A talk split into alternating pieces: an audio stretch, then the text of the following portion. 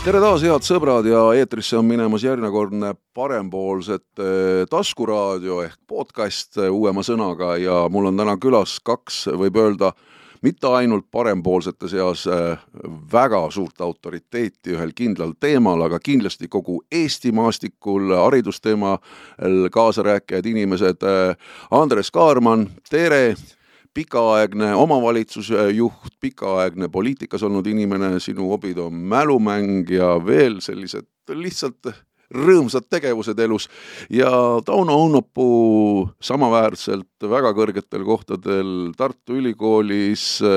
Mainori kõrgkoolis, nüüd oled ise eh, koolitaja ja, ja haridusteemadega absoluutselt ka põhjalikult kursis ja nagu öeldud, tänase teema, saate teema siis ikkagi haridus, kus me oleme ja kuhu me tahame edasi liikuda. sellel teemal on piike murtud Eesti poliitilisel maastikul vägagi palju, see on vägagi kuum teema ja seda kindlasti siin valimiste eel kõik, absoluutselt kõik poliitilised erakonnad ka oma südameasjaks on võtnud. esimene küsimus, härrased, kõigepealt, kus kohas, kus me täna oleme Eesti haridussüsteemiga, kuhu me oleme välja jõudnud, võib seda kiita või pigem laita? No, kuidas soovite, kes ja, alustab? absoluutselt, no ükskõik, ma hakkan siis pihta. et äh, pigem kiita, Eesti haridussüsteem on Euroopa ja maailma mõttes äh, päris tubli, aga noh, selge on see, et ega selleks, et edasi minna, me ei tohi paigal seista ja noh, võib-olla selline väike paigalseis Eesti haridussüsteemis on küll silma hakanud ja noh, teine küsimus on ilmselt see, et kui hästi ja efektiivselt me kõike seda, mis meil haridussüsteemis on, nii raha, vahendeid, inimesi kasutada oskame. Andres jah, ma kiitmise, kiitmise juurde võib-olla natukene räägiks ka teist poolt, et tegelikult eridus, Eesti hariduses on on paljud probleemid kuhjunud, et asjadest, millest me rääkisime kümme aastat tagasi, me räägime täna samamoodi, miks seda tehtud ei ole, tõesti ei tea. noh, võin nagu öelda ka seda, et ega haridus on mõnes mõttes väga konservatiivne valdkond et kui tööjõuturg võib muutuda kardinaalselt kolme-nelja aastaga, siis muudatused hariduses on, on küllaltki sellised äh, visad tulema.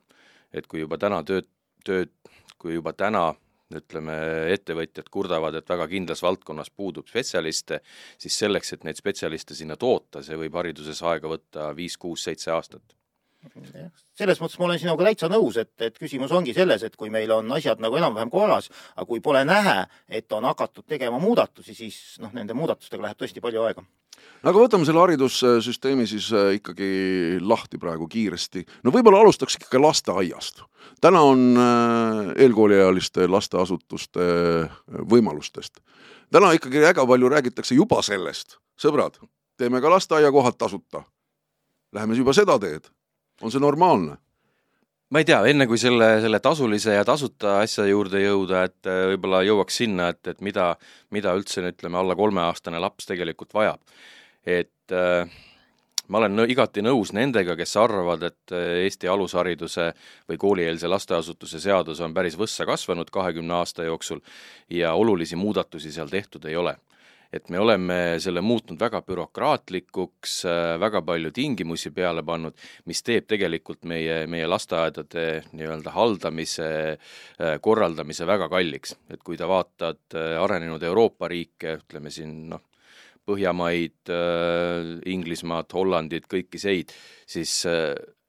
seal ei tehta neid asju, mida meie juba teeme pooleteistaastaselt kuni kolmanda-neljanda eluaastani on lastehoiud, kus lapsed on turvaliselt hoitud, nendega on tegeletud ja nii-öelda alusharidus hakkab alles neljandast eluaastast meie oleme oma seadusesse sisse kirjutanud, et pooleteistaastasele lapsele tuleb hakata juba haridust andma, seal peavad olema kõrgharidusega muusikaõpetajad, kõrgharidusega liikumisõpetajad, kõik muud asjad, ja siis, siis me ise kurdame, et, et ei jätku inimesi, raha on vähe, et et võib-olla oleks see koht, kus nii-öelda talupoja moodi korra maha istuda ja mõelda, et et kas me teeme ikka päris õiget asja. Seda enam, et uuringud näitavad tegelikult, et et lapse puhul ei ole mingit vahet, et kas ta läheb pooleteistaastaselt hoidu või lasteaeda, et, et kooliks on nad täiesti võrdsed.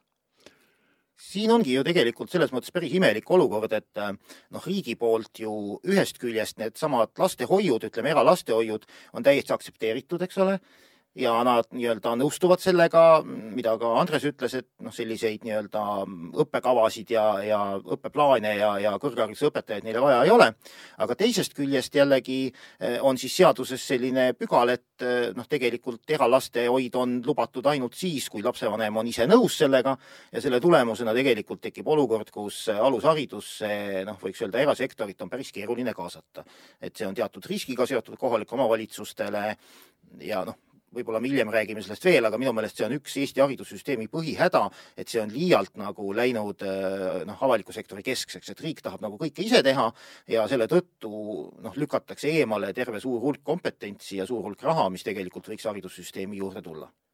aga ma tuleks tegelikult nüüd tagasi selle, selle esimese küsimuse juurde, et kas, kas tasuta või, või tasuta. et oma, oma taustast nagu selles mõttes rääkides äh, ma olen küll nagu juura lõpetanud, aga, aga mida aeg edasi, siis ma olen nagu selliselt humanitaari poolt nagu läinud reaali poole ja väga meeldivad tegelikult numbrid.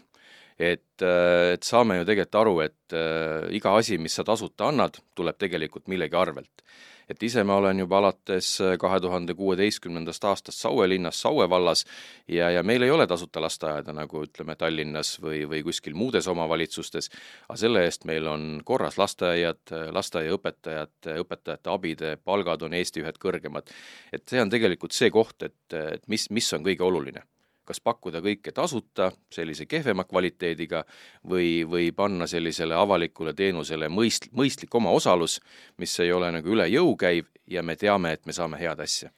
No siin on ka see tegelikult, et see omaosalus äh, tekitab mingi vastutuse, noh näiteks alushariduse puhul tekitab see ilmselt sellise vastutuse, et lapsevanem ei hoia seda lasteaiakohta nii-öelda ilmaasjata kinni samal ajal kui see on päris tasuta, siis tal on ju lihtne igaks juhuks seda kohta hoida, noh, mille tulemusena tegelikult omavalitsusele kulud veelgi kasvavad, sest et nad ei saa nii-öelda sinna lapsi juurde võtta, nad peavad looma uusi rühmi või lausa uusi lasteaedu ehitama. et äh, igasugune omaosalus tegelikult on äh,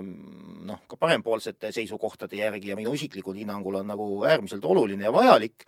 et ta just, ta noh, tegelikult vastutust seab nii sellele teenuse saajale kui ka tegelikult selle teenuse andjale. jaa, haridussüsteem on väga mitmekihiline ja liigume selle kihiga edasi natukene kõrgemale juba selle põhihariduse poole peale kuidas seal olukord on, kuidas te praegu näete, et koolid ju toimivad ja, ja, ja kõik võiks ju nagu korras olla? No Eesti suurim probleem on tegelikult see, et me küll, äh, küll väärtustame, tähtsustame nii-öelda ühtlus, ühtsuskooli, et üle Eesti igal pool peab olema võrdne haridus, aga kui me vaatame sellist Eesti haridusvõrku, siis ütleme, Tallinn, Harjumaa, Tartu, võib-olla mõned suuremad linnad, on see päris hästi korraldatud ja siis on ikkagi ka hariduse mõttes nagu ääremaad ja noh, kui, kui raha juurde tulla, siis äh, ei ole ju mingi saladus, et Eesti panustab haridusse oma sisemajanduse kogutoodangust äh, noh, rohkem kui enamus Euroopa riike. et viimastel andmetel me oleme tegelikult äh, kas kolmandal-neljandal kohal. ja aga mis me selle eest saame, et kui me vaatame ka ütleme, hariduse kuludesse sisse, siis tegelikult üldharidus on meil väga hästi rahastatud ja ütleme, kutseharidus, kõrgharidus on, on nii-öelda päris vaeslapse rollis et äh, kui me räägime, et on vaja raha juurde, õpetajatele kõrgemat palka maksta, siis ei piisa ainult seal lisarahast ja majanduskasvust, et me peame ikkagi vaatama ka nii-öelda hariduse sisse, et äh, kus see raha leida, et palka tõsta, kus see raha leida, et äh, keskenduda olulisematele asjadele sa juba selle võrna teema juurde jõudsid, Tauno, sa oled ju välja öelnud seda, et me ikkagi rohkem praegu panustame nii-öelda betooni selle rahaga kui õpetajate endi palgafondi tõstmisele ja nende arendamisele ja nende kooli toomisele. noh, ma ei tea, kas isegi see betoon on kõige suurem probleem, pigem on nagu see küsimus, et Eestis üldhariduses on äh, väga väikesed klassikomplektid paljudes kohtades, ühe õpilase koht, õpetaja kohta tuleb äh, noh, vähe õpilasi, eks see viib nagu väga paljud noh, haridusega seotud kulud üles, et noh, Eestis on kuskil praegu viiskümmend viis, kuuskümmend protsenti üldhariduse kuludest on äh, nii-öelda õpetaja palk, aga noh, ta võiks olla tegelikult seal seitsmekümne protsendi ümber ja noh, selle tõttu ka parempoolsed ei ole tahtnud nagu välja tulla selle loosungiga, et tõstame õpetaja palga nii kõrgele, nii kõrgele, nii kõrgele, kui me esiteks ei näe seda, et kust sellelt raha võetakse ja teiseks, need on paljuski isetäituvad ennustused, arvestades, et praegu on äh, on tegelikult noh, niivõrd kiire inflatsioon, et kui noh, kas või siin valitsus ütleb, et nemad noh, näiteks viisteist protsenti andsid juurde kõrgharidusele, ma korraks teen põike järgmisse valdkonda, siis selle aasta inflatsioon juba on ju selle ära söönud, see on palju suurem kui see viisteist protsenti. ja täpselt sama olukord on ka üldhariduses, aga kui me suudaksime teha selle üldhariduse noh, efektiivsemaks ja selles osas on siis ka parempoolsetel teatud plaan olemas, et siis tegelikult see õpetajate palgatõus tuleks ka nii-öelda automaatselt sellesama raha eest ja, ja võib-olla oleks seda võimalik isegi rohkem teha, kui, kui need praegused nii-öelda rahalubadused, mis on teiste poolt antud. Et ma, ma Taunale tegelikult lisaks seda, et meile hirmsasti meeldib vaadata Põhjamaade poole, kuidas tehakse Soomes, kuidas tehakse Rootsis, et ei ole mingi saladus, et, et kui Eestis on keskmiselt ühe õpetaja kohta kümme õpilast, siis Soomes on see arv kuskil kaksteist, kolmteist. Ja kui me räägime, ma arvan, et see, see jutt ei ole nüüd võib-olla väga populaarne, aga kui me räägime sellest, et meil on kaks tuhat õpetajat puudu, ehk Eestis on äh, täna kuskil neliteist tuhat õpetajat, kuusteist tuhat õpetaja ametikohta, et kui me suudaksime oma koolivõrgu ja koolikorralduse viia samale tasemele, nagu Soomes on, siis meil tegelikult on kaks tuhat õpetajat Eestis üle et see on nagu väga tõsine mõttekoht. no kui tõsiste asjadega edasi liikuda, siis tegelikult viimaste päevade selline kurb sõnum selles vallas on ka see ikkagi, võtame koole taas kokku. võtame seda nii-öelda, vaatame üle, kui palju seal käib õpetajaid, palju seal käib õpilasi ja taas ma kuulen ikkagi maakondadest neid pisaraid, neid nutulaule, raske, miks te selle kooli ära kaotate. kas selline äh, tee on praegu ainuvõimalik, et äh, kulusid kokku hoida ja siiski säilitada tase? võib-olla hakkaks tegelikult sellest peale, et parempoolsete jaoks ju noh, kõikide haridusteemaliste otsuste puhul üks kõige olulisem asi on hariduse kvaliteet. et lõppude lõpuks ju sellest haridus nii-öelda süsteemist peaks tulema inimene, kes juba õppimise ajal ja kindlasti ka pärast õppimist saab ühiskonnas hakkama aga kui ütleme, üldhariduse kvaliteet on madal, see ju liigub edasi sinna, et ta ei saa kõrgkoolis, ütleme nii-öelda kas siis õppimisega hakkama või kõrgkool on sunnitud ka oma noh, nõudmisi langetama, muuhulgas ka siis nendele, kes saaksid hakkama, sest noh, seal ei saa ka ju minna kuidagi teisiti edasi. ja, ja tulemuseks on tegelikult see, et lihtsalt noh, nii-öelda Eesti ei ole kogu maailma mõttes konkurentsivõimeline ja noh, see meie soov nii-öelda jõukust kasvatada satub, satub teatud mõttes löögi alla. ma tegelikult eile sattusin rääkima ühe tuttavaga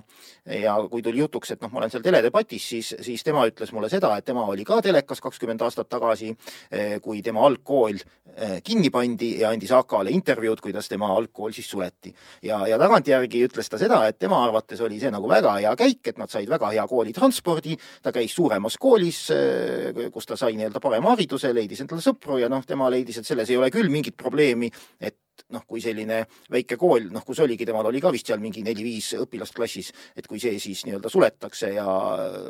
noh, siis on kuskil mujal on siis paremad võimalused koos sellega, et ligipääs säilib. aga noh, loomulikult eh, eks seal on igasuguseid erijuhte. emotsionaalselt on ta kindlasti keeruline otsus kohalikele kogu, kohalikule kogukonnale. kindlasti on, aga ma arvan, et see näide ei olnud üldse, üldse ainulaadne, et, et ühel hetkel on ta emotsionaalne, kahe-kolme aasta pärast, kui, kui inimesed näevad juba seda tulemust, siis nad ütlevad, et tegelikult see oli ainuõige otsus.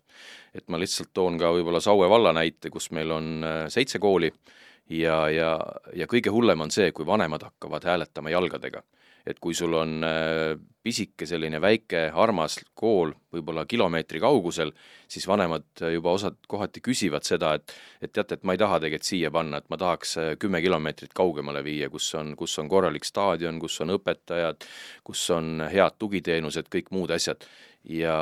ja kui ütleme, omavalitsus ja riik neid otsuseid ära ei tee, teevad selle otsuse lõpuks ära lapsevanemad ja see on tegelikult palju valusam sest omal ajal ju noh, kümmekond, viisteist aastat tagasi, kui lükati käima äh, riigigümnaasiumite nii-öelda programm, siis, siis selle, selle mõte tegelikult oligi see, et maakonnad ei jookseks tühjaks Tallinnasse, Tartusse, Narva ja Pärnusse. Ehk siis igas maakonnas oleks, oleks vähemalt üks tugev gümnaasium, mitte neli-viis sellist väikest, mis kiratsevad. Ja, ja ma arvan, et see on viimaste aastate Eesti või viimaste aastakümnete isegi Eesti hariduspoliitika üks, üks parim otsus. Sa lükkasid juba teki sellelt järgmiselt kihilt gümnaasiumiharidus, Tauno, sinu mõtted äh, tundmised selles vallas? no ma kõigepealt ütleks seda, et mul oli ka nii-öelda juhus äh, mõni kuu tagasi käia Saue riigigümnaasiumis ühte nii-öelda arutelus osalemas ja ma seal käisin ringi ja mõtlesin, et noh, et oleks minul omal ajal no, täpselt, olnud niisugune täpselt. kool. et, et võib-olla remark, et võib-olla Andres seda tagantjärgi kommenteerib, aga noh, mul ainuke mõte tekkis võib-olla see äh, seal riigigümnaasiumis, et kui palju see riigigümnaasium tõmbab nii-öelda häid õpetajaid ära teistest ümbruskonna koolidest, et noh, tõenäoliselt nad on ka õpetajatele väga atraktiivne keskkond. Tead, sellega on, on nii ja naa, et ütleme, et õpetamine põhikoolis ja õpetamine gümnaasiumis on, on väga erinevad asjad, et kui, kui põhikoolis, eriti kolmandas kooliastmes, sa pead ikkagi väga palju nägema nii-öelda lapsega vaeva nii-öelda noh, noh, võib-olla ka nagu malakat andma, siis gümnaasium on ikkagi, ikkagi tõsine asi, sinna sisseastumiseks on nagu lävend ja sinna peaks tegelikult jõudma õpilased, kes on motiveeritud, kes tahavad õppida. Et ma võib-olla korra kaldun isegi natukene kõrvale, et see, et meil need riigigümnaasiumid on, on suurepärane asi, aga omal ajal, kui seda gümnaasiumiharidust hakkasime reformima, siis oli tegelikult mõte see, et kutseharidus kui samasugune keskharidustase peaks olema seal nagu kõrval. Äh, paraku on, on see, et äh, kui kümme aastat tagasi õppisid äh, või õppis gümnaasiumis kakskümmend kolm tuhat viissada õpilast ja kutsekoolides neliteist tuhat õpilast, siis kümme aastat hiljem ehk sellel õppeaastal on gümnaasiumites kakskümmend viis tuhat õpilast ja kutsekoolides alla üheteist tuhande õpilase. Ehk, ehk see eesmärk ei ole tegelikult täitunud, et, et noori rohkem kutseharidusse suunata tööjõuturule, mis, ma kohe lõpetan, et mis mis on tegelikult kaasa toonud selle, et gümnaasiumitesse lähevad õpilased, kes ei ole seal võimelised võib-olla õppima kukuvad välja ja mis veel hullem, et vaatasin ka tegelikult ülikoolide statistikat, et äh, väga suur väljalangemise protsent esimesel kursusel ka kahjuks ma jah, põrkan siia vahele, kahjuks sellest kutseõppest ei ole absoluutselt enam viimastel aastatelgi midagi räägitud. tõesti, nagu sa ütlesid, see oli ju aastaid tagasi, oli selline hariduse lipulaev. Lähme, teeme, oleme, paneme, et see aitaks meie noortel nagu edasi minna. täna ei räägi sellest eriti jälle keegi mitte midagi. noh, ta ta paraku on, et, et siin äh, gümnaasiumit kohati peetakse ka nii-öelda lapsepõlve pikenduseks, et et äh, inimene ei tea veel, mis ta teha tahab, et teen gümnaasiumi läbi ja pärast vaatan. mul selles mõttes on väga hea, väga hea näide kodust olemas, et mul vanem tüdruk äh, lõpetab sellel aastal gümnaasiumit, on teinud hea valiku, on ise rahul, aga noorem lõpetas eelmine aasta põhikooli, gümnaasiumisse, nii-öelda kodukoha gümnaasiumisse sisse ei saanud, läks kutsekooli, Tallinna Polütehnikumi ja, ja noh, ma olen täiesti vaimustatud, mis ta seal teeb, õpib. Läks õppima sellist visuaalset meediat, kõik sellist asja, et noh, inimene on ise rahul ja ma arvan, et kolme-nelja aasta pärast on ta tööjõuturul nii tegija, et ma arvan, ta hakkab rohkem palka saama, kui täna õpetaja saab täiesti nõus. päris tükk aega tagasi ju tegelikult, kui oli see nii-öelda kutseharidusele püüti rohkem tähelepanu võita, esiteks kutseharidusse muidugi infrastruktuuri pandi väga palju raha ja tegelikult kutsekool on praegu väga hästi korras. ja selles mõttes on üsna kahju, et nüüd see nii-öelda see hoog on natuke maha käinud, eks ole, ehm, teisest poolt võttes üks hea asi, mis ära tehti, oli see, et tehti lahti tegelikult tee kutseharidusest kõrghariduseni, et see oli ka, ütleme seal kahe tuhande alguses üsna kinni, et praegu edukalt nii-öelda astutakse kõrgkooli ja tõepoolest noh, see kutseharidus, noh, kui on, äh, kuidas öelda nüüd, sihiteadlik õppija ja, ja õige eriala, siis ta ei ole mingiks takistuseks ükskõik kuhu lõpuks välja jõuda, vaid pigem ma arvan, ta isegi toetab seda. aga noh, võib-olla kui siit tulla, me oleme nüüd hästi palju rääkinud nagu sellisest korraldusest ja infrast ja rahast, et tegelikult üks teema veel, mis puudutab noh, nii üldharidust kui, kui äh, gümnaasiumiõpet, eks ole, noh, mingis määral alusharidust, tegelikult ka kõrgharidust, on õppekavade teema. Ja noh, selles mõttes just noh, vähemalt minu hinnangul üldhariduses on see õppekava kuidas öelda, kaasajastamine jäänud nagu seisma, need õppekavad on üsna noh, stabiilsed, inertsed, seal on noh, nii-öelda needsamad õppeained, mis olid, ma ei tea, kunagi siis, kui mina õppisin, ja tegelikult igasugused katsed sinna noh, oluliselt midagi muuta põrkuvad noh, mingisugusele vastuseisule, et õppekavas pole ruumi, et noh, näiteks parempoolsete hinnangul üldhariduses tuleks oluliselt rohkem hakata õpetama äh, ütleme siis äh, selliseid üldisi pädevusi, ka õppima õppimist, et inimesed ise suudaksid infot hankida, ennast täiendada. ja noh, kui vaadata seda tänapäeva inseneeriat ja tehnikamaailma, siis noh, kindlasti äh, peaks äh, jõudma sinnani, et gümnaasiumis oleks kõikidel õpilastel lai matemaatika, et noh, see muidu paneb nii-öelda tee kinni jällegi, et ta on õppinud kitsast matemaatikat, ta mingitel erialadel ülikooli ei saagi üldse, noh, pole võimalustki. sest jah, ma võtan siit sõnasabast kinni, et et ma arvan, et meil need ainekavad on kohati nagu ülepaisutatud, mulle kunagi hästi meeldis Jaak Aaviksoo nii-öelda provokatsioon, et, et kui kui need õppekavad on nii nagu, nagu pungil täis, mida siis nagu joostes läbi võetakse, et siis ta pakkus sellise mõtte välja, et anname näiteks, ma ei tea, füüsika õppekava, anname matemaatikule, kõik, millest ta aru ei saa, kriipsutab maha ja kaheksakümmend protsenti siis seda õpime. Või vastupidi näiteks, et kirjanduse õppekava anname keemikule, noh, keemiaõpetajale tõmbab maha, et siis saame sellise, sellise noh, nii-öelda mõistliku ja jõukohase õppekava, mis võetakse, või ainekava, mis võetakse läbi ja tehakse ära et eh, tahaks ka seda öelda, et eh, et me hirmsasti nii-öelda kiidame ennast või oleme uhked selle üle, et meie, meie PISA tulemused on maailma tipus, meie gümnaasiumi õp-, lõpetajate eksamitulemused on nagu väga head. aga ma küsin nagu selle koha pealt, et et kas ikka on põhjust nii uhke olla, kui õpetajad on läbi põnenud, Eesti õpe, õpilaste õpirõõm on üks madalamaid, vaimse tervise probleemid kasvavad, et noh, mille üle me tegelikult uhkust tunneme, et et kui me tahame, et need õpilased oleks valmis ka pärast gümnaasiumit minema ülikooli, seal omandama nii-öelda uusi teadmisi, kogemusi, aga selleks hetkeks nad on, nad on nii-öelda läbi põlenud, ära tuupinud ennast, et noh, et et noh, kas me saame nagu head inimesed ma kardan, et mitte, noh. jah, no igasugune kompetents ju peaks nagu kolmest asjast koos seisma, on teadmised, on oskused ja on hoiakud, eks. aga noh, see õppekavad on nagu üsna teadmistekeskne tegelikult, et oskuste pool on väiksem ja noh, hoiakutega ka väga palju ei tegelda tegelikult me liigume ikkagi õiges suunas, aga siin selliseid väikseid iluprotseduure tuleks äh, läbi viia äh, selles süsteemis, mida me siis loeme nii-öelda põhikooli ja gümnaasiumisüsteemi jaa, tervikuna küll, aga, aga noh, mida me varem ka natuke puudutasime, on, on tihti on ikkagi hoiakutes kinni, et et uued õppemeetodid, kaasaegsed sellised õpikäsitlused, et need, need on rasked tulema, eriti kui on, on palju selliseid vanemaid õpilasi, õpetajaid, vabandust. Aga mida ma tahaks nagu ka nagu eraldi rõhutada, et me paneme ikkagi noh, ebamõistlikult suurt rõhku nii-öelda lasteaiale, koolile, õpetajatele, et kuidagi täiesti tähelepanuta on jäänud äh, lapsevanemad. et äh, just rääkisin üks päev meie enda valla direktoritega ja nad olid ka mõnes mõttes nagu nõutud, et äh, erivajadusega laps tuleb Rajaleidjast, paber on käes, tuleb kooli, ütleb, et äh, mida kõik kool peab tegema. tagage need, tagage need, tagage need asjad. ja mitte ühtegi sõna ei ole selles Rajaleidja otsuses, mida vanem peaks tegema. Loeme õhtul, jälgime seda, teisi asju ja noh, nii ongi, et, et laps lükatakse hommikul sul koolis sisse ja oodatakse, et tuleb, tuleb õhtul kasvatatud ja õpetatud välja, et noh, vanemate kohustus on elimineeritud selle juures, vähemasti riik ei ole sellele tähelepanu pööranud, arvavad, et vanemad saavad ise kenasti hakkama ja teavad, mida teha. aga liigume edasi, Tauno, sinu lemmikteema, kõrgharidus. mis seisus me oleme täna Eestis ja kuhu me peaksime liikuma? No kõrghariduses äh, ma pean täiesti nõustuma Rektorite Nõukogu hinnanguga, et Eesti kõrgharidus on alarahastatud, et see poolteist protsenti SKP-st, noh, mida nagu on tegelikult enamik erakondi oma programmis kas otse välja öelnud või, või siis nii-öelda vaikimisi debattides öelnud, seesama poolteist protsenti, mida noh, rektorite nõukogu öelnud, et see kindlasti selliseks esimeseks eesmärgiks noh, peaks olema jõukohane, aga probleem ongi selles, et noh, üldjuhul me ei näe, et kuidas seda rahastust saada. et noh, ikkagi noh, riik peaks andma, kuskilt eelarvest tuleks seda võtta, eks ole, kuidas sinna eelarvesse raha saab, seda ka me ei tea. et selles mõttes parempoolsetel on selge nägemus, et kõrgharidusse peab tulema sisse osaline õppemaks kõigile õppijatele et, et see lahendus, mille pealt mindi ära, kui kümme aastat tagasi tehti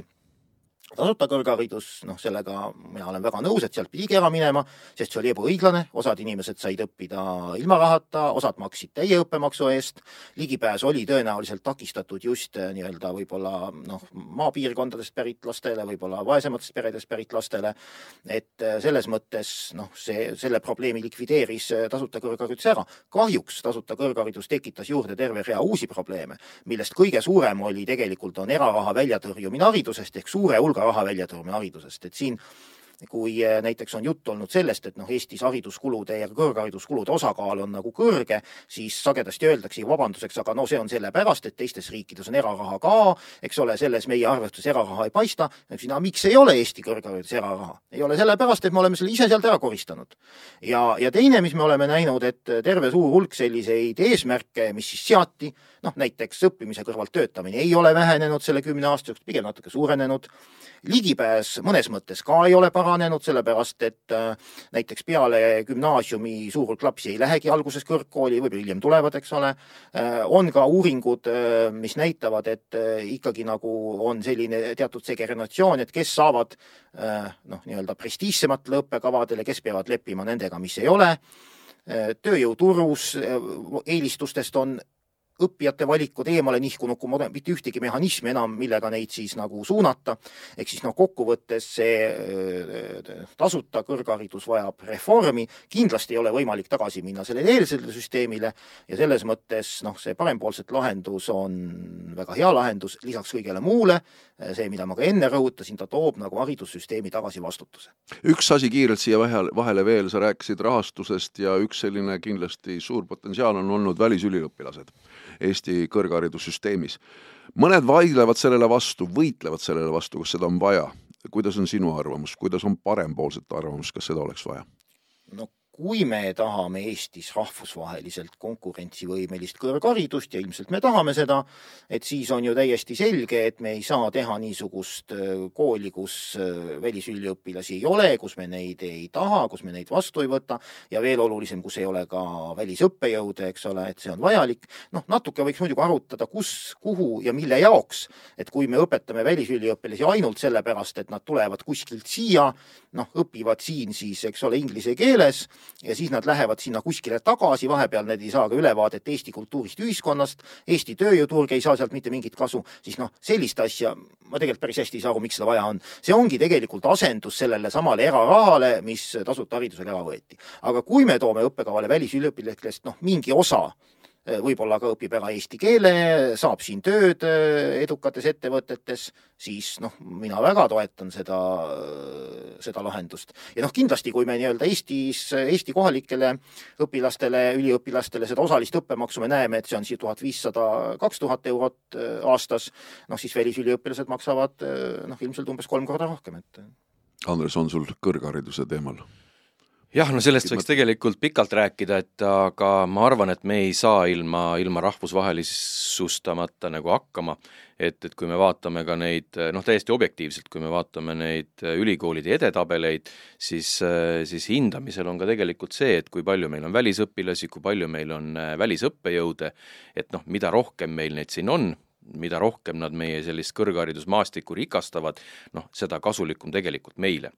et ma lähen võib-olla nüüd aastast viisteist aastat tagasi, kui toimus pronksiöö, Eestis oli Eesti, Eestit tabas ka suur hulk, ütleme, küberrünnakuid ja, ja, ja me tõusime tegelikult nii-öelda riigina kogu maailmas nagu, nagu praktiliselt nagu esimeseks. kõik tundsid huvi selle järgi, et mis, mis teil nagu toimus, kuidas te kaitsesite ennast küberrünnakute eest ja ja maailmas oli meeletu huvi, isegi USA-s, Hiinas, Euroopas, et nad tahtsid tulla siia, siia nii-öelda õppima, kogemusi omandama. ja, ja omal ajal sai tegelikult käima lükatud ka nii-öelda selline IT-akadeemia, et noh, ma jätan selle algusasjad nagu kõrvale, et et, et mis vaidlused seal oli, aga tegelikult üks mõte oli see, et et ärme seal IT-akadeemias nii-öelda pudista kõike laiali. võtame üks-kaks kõige olulisemat asja ja näiteks keskendumegi küberturvalisusele, muule asjale, et me ei jõua neid üliõpilasi vastu võtta, kes tahaksid tulla Eestisse, maksta selle eest, õppida, et noh, ma näen selles mõttes Eesti kõrghariduse tulevikuna ikkagi spetsialiseerumist, üks koma kolm miljonit elanikku, noh, ütleme mujal maailmas on täiesti tavaline praktika, et umbes sellise miljoni, pooleteist miljoni elanikuga, elaniku kohta on üks ülikool, noh, meil on palju, kuus, seitse? no oleneb, kuidas lugeda noh, et, et päris palju, et, et pudistame nagu laiali, tahame kõike teha, aga pigem äh, nii-öelda kontsentreeruks ja teeks, teeks seda, mida me oskame teha ja tahame teha nii-öelda maailma tasemel. Noh. aga härrased, liigume edasi teravamate teemade juurde siia podcasti lõppu. tahtsid Auno midagi? ma tahaks ja siiski ühte asja veel öelda, et see puudutab sedasama osalist tasulist õppemaksu, et ju väga palju kardetakse, et see piirab ligipääsu ja loomulikult ka parempoolsed nii-öelda selle probleemiga noh, seda probleemi näevad. Ja seal on oluline lahendus, et koos osalise tasulise õppemaksuga tuleks päris mitu asja, et need on kindlasti vaja ära öelda. üks on vajaduspõhised õppetoetused, oluliselt suuremad, et Eestis praegu õppetoetused praktiliselt puutuvad. Ja me näeme, et noh, sellest üldisest universaalsetest toetustest loobumisel, mis on parempoolsete suur eesmärk, peaks tekkima ka vaba raha nende nii-öelda vajaduspõhiste õppetoetuste jaoks. teiseks tuleks kindlasti reformida õppelaenusüsteemi, praegu õppelaenu ei võeta, õppelaenu kasutab mingi võib-olla neli protsenti, võib-olla isegi vähem, õppelaen on väga väike, intress on kõrge, tagasimakse tingimused halvad, eks ole, et me näeme, et see õppelaen peaks kasvama võib-olla kuskile seitsme-kaheksa tuhande euroni aastas ja kindlasti peaks tekkima võimalus äh, siis erasektoril seda õppelaenu erisoodustusmaksu vabalt äh, kustutada, kui see inimene sinna lõpuks tööle tuleb. ja noh, kui väga palju räägitakse meil sellest, et haridus on investeering, hariduse jaoks võib võtta laenu, siis noh, minu meelest kõige õigem on haridust vaadata ikkagi investeeringuna siis sellise noh, ütleme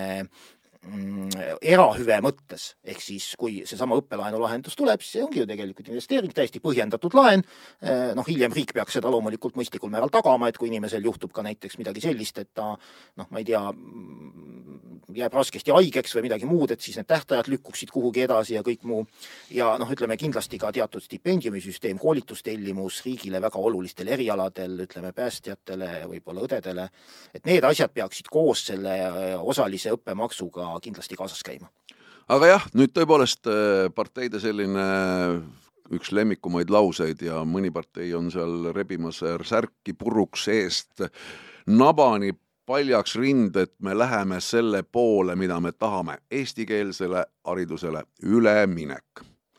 oleme sellel teel läinud praegu õiges suunas, millised on ohud, millised on positiivsed noodid selles vallas, see on vägagi, vägagi valus teema olnud.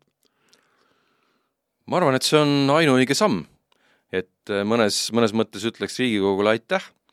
aga küsiks tegelikult, et miks seda ei tehtud juba kümme, viisteist, viisteist, kakskümmend aastat tagasi, et et siin nii-öelda jupikaupa on proovitud teha, kümmekond aastat tagasi ju läksid nii-öelda venekeelsed gümnaasiumid üle et, et kuuskümmend protsenti on eestikeelne õpe ja aga noh, ega ta ei ole tulemust andnud. aga nii-öelda sellisest nii-öelda poliitilisest statement'ist palju olulisemaks ma pean ikkagi seda, et et see üleminek oleks ka, oleks ka reaalne, noh et ma arvan, et, et kõik praegu noh, nii-öelda uhkustavad või kirjutavad enda nimele, et me läksime eestikeelsele haridusele üle, aga ega see, ega see kerge ei saa olema. et sa võid küll panna eesti keelt kõneleva inimese klassi ette, aga, aga noh, mis, et ei tohiks ikkagi kannatada see hariduse kvaliteet. et, et see, see on täna kõige olulisem, et need et need vene keelt või miks mitte ka muud keelt kõnelevad noored saaksid juba lasteaias sellise korraliku keelepõhja alla ja nad oleksid võimelised ka eesti keeles õppima, et äh, see ei ole lihtne ja noh, siin ongi tegelikult äh, isegi võib-olla kaks probleemi, üks on see, et noh, seda keeleoskust mõõdetakse ju keeleeksamite järel, järgi ja just alushariduses äh, on see risk ka, et ütleme, see õpetaja, kes on selle keeleeksami ära teinud, tegelik eesti keele oskus noh, on praktiliselt madal, eriti noh, et ta ise oskab rääkida, et ta oskab ka lapsi nii-öelda noh, võiks öelda õigesti eesti keeles rääkima õpetada, eks ole. et, et kuna noh, eksamid on nagu nad on, eks ole. ja teine küsimus on see, et äh, oleks meil nii-öelda noh, ka kuidas me ütleme, mitte ainult eestikeelsus, vaid eestimeelsus. et see teema on ka kindlasti oluline, et, äh, et meil ikkagi ka reaalselt järgitakse siis äh, äh, noh, nii-öelda Eesti ühiskonnas norme, väärtustatakse Eesti riiki ja, ja kõike seda no praegu ongi tehtud see, võib-olla see protsess liiga kiireks, et eesmärgid kaks tuhat kakskümmend neli ja sinnakanti, et siis on kõik korras, siis on kõik valmis ja kohe kõik hakkamegi eesti keeles rääkima. see ei käi ju nii kiiresti. see võtab ikkagi aega minu meelest ega rasked asjad ei, ei käigi lihtsalt ja kiiresti, et, et kui siin Ifi ja Petrovi võib-olla tsiteerida, siis Ostap Bender ütles ka, et ainult kassid sünnivad kiiresti, et et aga, aga mis, mis see eesmärk tegelikult on? on ju see, et, et teise emakeelega lapsed äh, omandaksid hea hariduse ja nad oleks tulevikus äh, Eesti tööjõuturul konkurentsivõimelised. et siin mõned aastad tagasi, vist oli Tallinna Ülikool, tegi ka tegelikult uuringu, et, et kuidas saavad äh, nii-öelda võõrkeelse emakeelega noored hakkama tööjõuturul et oluliselt madalam oli nende palk, kes õppisid venekeelses koolis, ei rääkinud eesti keelt, veidi kõrgem oli, ütleme, nende, nende töövõtjate töötasu või sissetulek, kes õppisid küll venekeelses koolis, aga valdasid eesti keelt ja sisuliselt ei olnud enam vahet äh, nendel inimestel, näiteks kui vene inimene õppis eestikeelses koolis, omandas eesti keeles hariduse, et siis nad olid tööjõuturul täiesti konkurentsivõimelised, ütleme, Eesti enda inimestega. Nii et äh, eesti keelele õppimine, üleminek on ikkagi tee, mida me peame käima hakkama, saan teist aru, ja parempoolsed seda igati toetavad, äh, lihtsalt tuleb läbi mõelda, kuidas ja mis, mis kiirusega seda kõike teha. siia lõppu tahaksin, härrased, teile veel tuua ja pureda anda ühe sellise teravama kondi, mis on siin just äh, lähinädalal väga teravalt üles tõusnud, on Andrew Tate'i juhtum, ehk siis tegelikult tema missioon praegu maailma külvata äh, äh, sõnumit, mis siis endast kaasneb või kaasab seda, et ärge noored absoluutselt õppige. seda kooli ei ole vaja see on, saate niisama ka rikkaks, näete, mul on kõik olemas. see juba on hakanud Eesti haridussüsteemis tagasimõju andma ja ma kardan, et see võib veel äh, lumepallina kasvada ja kasvada ja kasvada. ma usun, et te olete selle sündroomiga nagu tuttavad ja, ja, ja, ja, ja kindlasti teate, milline on praegu meie haridussüsteem ja kus sotsiaalses ruumis lapsed elavad suuresti. mida see võib endaga kaasa tuua, kas me peaksime hakkama seda nüüd tahtlikult kuidagi pidurdama ja, ja, ja vaatama, et, et, et kuidas sellest ikkagi noori eemal hoida? jah, et see on tegelikult, on pikem jutt, et mitte ainult see viimane nii-öelda näide, mis, mis sa tõid, ma arvan, et kui vaadata ka riigi üldist poliitikat, kus, kus riik tahab nagu võimalikult palju inimeste ellu ka nagu heas mõttes sekkuda, et anname tasuta, maksame toetusi, teeme, teeme sinu eest ühed ja teised asjad ära, et see natukene kasvatab sellist õpitud abitust. ja inimesel jääbki selles mõttes mulje, et ta ei pea õppima, ta ei pea pingutama, ta ei pea töötama, et riik katab kõik su sellised vajadused ära. et mis selle mis selle tulemus on see, et, et ega riik ei saa lõpuni kõiki nagu ülal pidada ja ühel hetkel ma nagu ennustan seda, et see võib muutuda täiesti nagu ekstremismiks. et on loodud nagu arusaam, et, et, et sa saadki nagu riigi abiga kogu aeg hakkama ja ühel hetkel, kui kui riik enam ei jaksa sind nagu toetada, et siis ongi, et haridust ei ole, tööd ei ole, sissetulekut ei ole, et noh, ja, ja ma olen selles mõttes ka täitsa nõus, et äh, et nii-öelda noorte töövõtjate ootused on äh, täiesti üle pea kasvanud, et inimene lõpetab keskkooli, pole veel kõrgkooli astunudki ja ütleb, et esimesel töökohal ma tahaks saada vähemalt neli-viis tuhat eurot palka, noh. noh, täiesti nagu kosmoset. aga see hakkabki mõnes mõttes nii-öelda suured probleemid algavad väikestest asjadest ja üks väike asi ongi see, et kui meil liiga palju nii-öelda inimesed harjuvad äh, toetust elama, iga kord, kui mul on mingi probleem, siis keegi tuleb mulle appi. Noh, tegelikult ju kui mul oma kodumajapidamises ma näen, et äh, mul on raha otsas, siis ma võtan kulusid kokku, mitte ei arva, et keegi peaks mulle raha andma ja noh, siis ma võib-olla saan natuke omal jõul hakkama, järgmine kuu on mul võib-olla natuke kauem raha vaja, ülejärgmine kuu on natuke veel kauem lisaraha vaja, keegi annab mulle kogu aeg selle, ühel hetkel mul noh, kogu aeg antakse, ma ise ei tee enam mitte midagi. et see on üks probleem. ja noh, teine probleem on selgelt see, et et noh, eks selliseid äh, nii-öelda avaldusi või seisukohti on ju ka varem olnud, lihtsalt tänapäeva sotsiaalmeedias nad levivad kiiremini, aga noh, suuresti ma ütleks niimoodi, et see on midagi umbes sellist, et kui noh, ma ei tea, mina juhtun lotoga võitma, siis ma kirjutan raamatu, et äh, valige numbrid kaks, seitse, kaheksa, kolmteist ja seitseteist ja teie saate ka rikkaks nii, nende numbrite maagiaga saabki siinkohal lõpetada, et tähtis on ikkagi ka hariduses kuulata mõistuse häält ja te mõlemad olete kandideerimas ka parempoolsete nimekirjas, Andres Harju ja Raplamaal, Tauno Tallinnas, siin kesklinnas ja Lasnamäel. nii et kellel on soovi vaieldamatult oma ala spetsialistidel midagi teada saada, siis kontakte te leiate kindlasti ka parempoolsete erinevatest eh, sotsiaalmeedia vormidest ja kodulehelt ja ja, ja kindlasti härrased teile väga meeleldi vastavad ja tulevad ka kindlasti kaasa kõigi nende ettepanekutega, mis puudutavad erinevaid debatte hariduse teemal. aitäh, et meid vaatasite, kuulasite ja siinkohal selle taskuhäälingu ka lõpetame, aitäh!